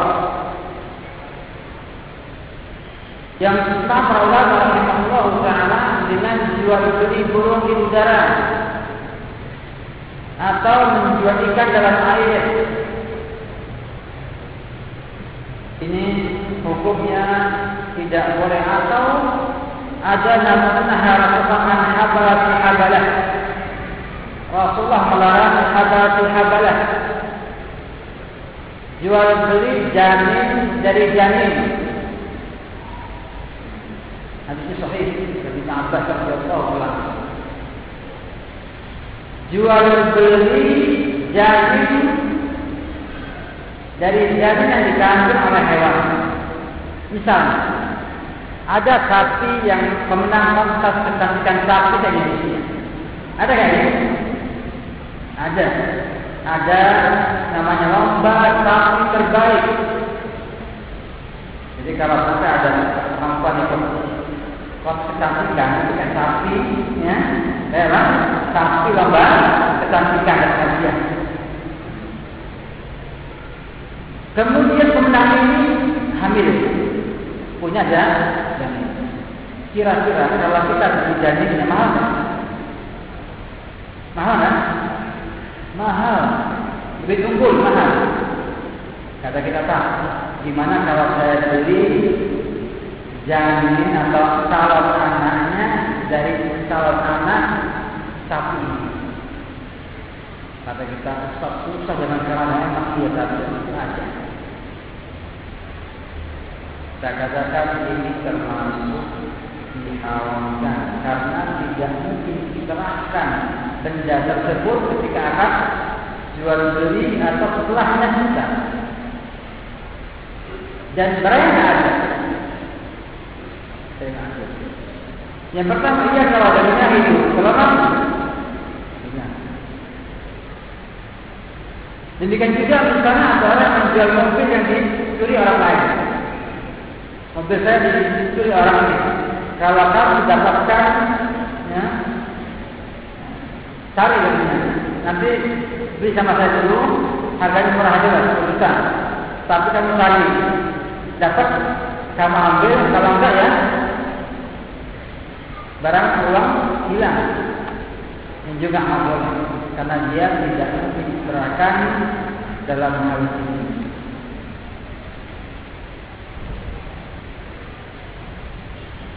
Demikian juga jual beli kelapa di pohon. Belum nampak kelapanya. Saya akan beli buah kelapa ini sekian. Padahal belum nampak buahnya.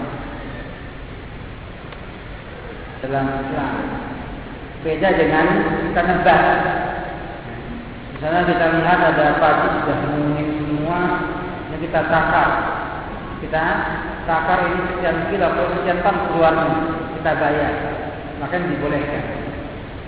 Jadi bolehkan karena membeli padi yang sudah jadi, tinggal di panen saja. Itu kalau masih hijau, belum ada buah yang dibeli, hukumnya tidak boleh.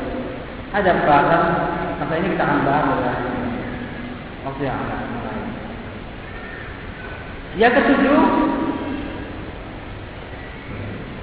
yang ketujuh barang yang diperjualbelikan telah diketahui oleh kedua belah pihak. Jadi membeli barang yang jelas. Barangnya jelas. Kita mau beli motor dealer, kita lihat dulu. Kalau kita tidak lihat bentuknya yang asli, lihat apa? Lihat kepada gambarnya. Nah, seperti misalnya kalau kita jual internet, jual internet, itu kan barangnya tidak dilihat, cuma lihat fotonya atau gambarnya atau spesifikasinya. Maka dalam saya ada kaidah umum. Kita itu mengenal barang dengan tiga cara.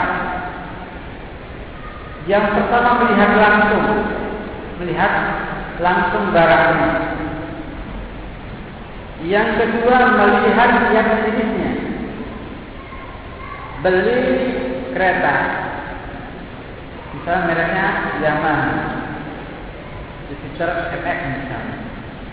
Kita cuma tahu gambar fotonya atau contoh yang ada. Kategorinya Pak, satu ini contoh. Apa kalau mau yang seperti ini saya ambilkan dari gudang. Siapa cerita? Oke, kita lihat contohnya. Ini adalah tahu barang, barang ini boleh. Yang ketiga dengan digambarkan, disifatkan. Misalnya, kalau mau beli komputer, Pentium 4 sekian giga dengan sekian dengan nomor sekian semua dijelaskan rinci spesifikasinya mereknya dan sebagainya. Barangnya enggak ada barang. Barangnya enggak? Kata kita yang ketiga dibolehkan namun ada khiyar ru'iyahnya ada khiyar ru'iyah hak pilih dengan melihatnya. Bila yang dilihat dan sesuai dengan yang disampaikan, maka pembeli boleh menggagalkannya. Gagalkannya. Tapi kalau kemudian yang, yang dibawakan sama persis dengan yang diceritakan, maka wajib dibeli oleh pembeli. Contoh yang paling jelas saya butuh herbal, butuh herbal mereknya tazakar obat sakit ginjal batu ginjal produksinya mana? Tazakar. Kemudian berapa kapsulnya 50 kapsul kemudian dicari tidak dapat. Adanya merek kria herbal misalnya maka dibawa pada kita yang produk-produk dari harga. Kata kita, kita lihat, kok nggak sama dengan yang saya? Nggak sama sama yang anda jelaskan. Nah, di sini kita punya hak untuk menggagalkan jual beli. Saya enggak mau.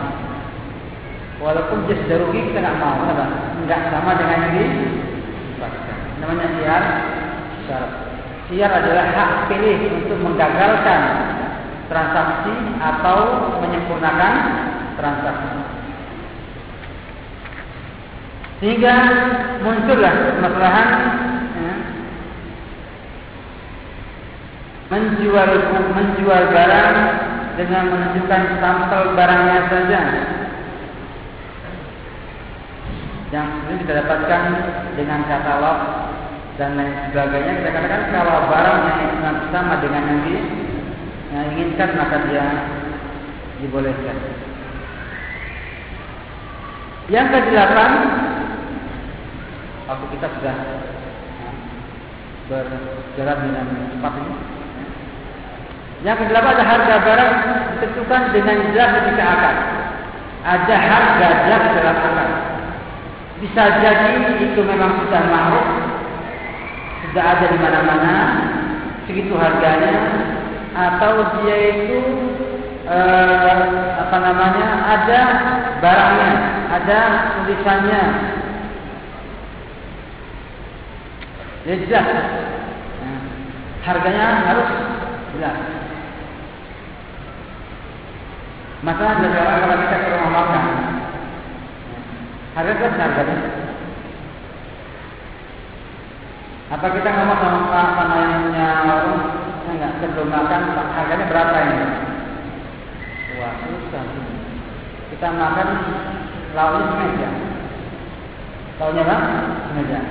Kita nyapa ini apa harganya pak? Ini apa harganya pak? Ini apa harganya pak? Kita ini? Kalau lihat, kalau memang sudah jadi itu, jadi hal yang standar di mana-mana, bahwa memang begitu harganya, nanti tidak makan. Kita kita masih sudah paham ya, bahwa kita harganya, maka dibolehkan. Ini dibolehkan. Jadi bisa jelas dalam tertulis atau jelas dalam artian muruk. Kemudian yang juga penting adalah permasalahan membuat syarat-syarat dalam jual beli. Tadi syarat sahnya jual beli, sekarang membuat syarat. Saya mau beli dengan syarat demikian. Saya mau beli mobil saudara dengan syarat saya tes terus satu hari lama. Saya mau jual barang saya, saya mau jual kereta saya dengan syarat saya dibawa pulang ke rumah. Saya jual mobil, jualan mobil di pasar, ya, pasar mobil. Kemudian kata kata saya saya mau jual ini, tapi saya nanti diantar ke rumah saya dulu. Syarat jalan bang, jual. Kesimpulannya, waktunya sudah habis sebenarnya, ya, bahwa kalau syarat tersebut merupakan kemanfaatan yang mendukung jual beli, seperti misalnya disyaratkan dengan nomor. Ya, maka itu boleh. Atau dia menjadi tuntutan daripada akad tersebut. Misalnya syarat kontan atau tempo ya, atau dia itu untuk maslahat akad maka diperbolehkan diperbolehkan yang tidak boleh adalah yang dia itu memiliki konsekuensi akad misalnya saya jual mobil dengan syarat tidak boleh bawa keluarga kamu naik mobil itu. Uh, susah. Kita beli mobil dengan orang ya. Jalan yang tak boleh, tidak tidak sah. Nah, konsekuensinya bila syaratnya tidak sah, maka tidak dihiraukan. Artinya sah jual belinya dan syaratnya dibuang habis-habis. semua syarat yang memiliki Islam ya, itu tidak dianggap. Misalnya saya boleh jual mobil, saya boleh saya mau saya jual mobil, syaratnya wajib ada kamar di situ. Kata kita, sudah beli saja mobilnya, buang kamarnya, sah. Syaratnya nggak dipakai. Kata Rasulullah, kullu syartin laisa laisa fi kitabillah fa huwa batilun batilun batil. Artinya enggak dipakai. Ah, beli mobilnya jangan naikkan syarat. Tapi kalau sah syaratnya maka hukumnya lah wajib ditunaikan. Dan banyak masalah di kalangan Islam ketika berpoligami dulu menikahnya aku yang mengatakan saya mau menikah syaratnya jangan poligami. Apa hukumnya ini? Syarat ini? Betul enggak? Kata ulama syaratnya sah. Syaratnya Dan laki-laki ketika dia mau poligami maka perempuan punya hak untuk cerai. Punya hak untuk cerai karena disisihi syarat. Namun bila kemudian dia memaafkan syaratnya maka itu lebih baik. Maka kalau menikah jangan pakai syarat. Dan pakai syarat. Nah, nikah pertama jangan pakai syarat. Kedua jangan pakai syarat. Ketiga jangan pakai syarat. Keempat tanpa syarat. Ya. Aman. Salam Muhammad wa alihi wa sahbihi wa sallam wa sallallahu Kita akan tabat Baik, kita mengenai jam sampai dulu. Kapan dulu?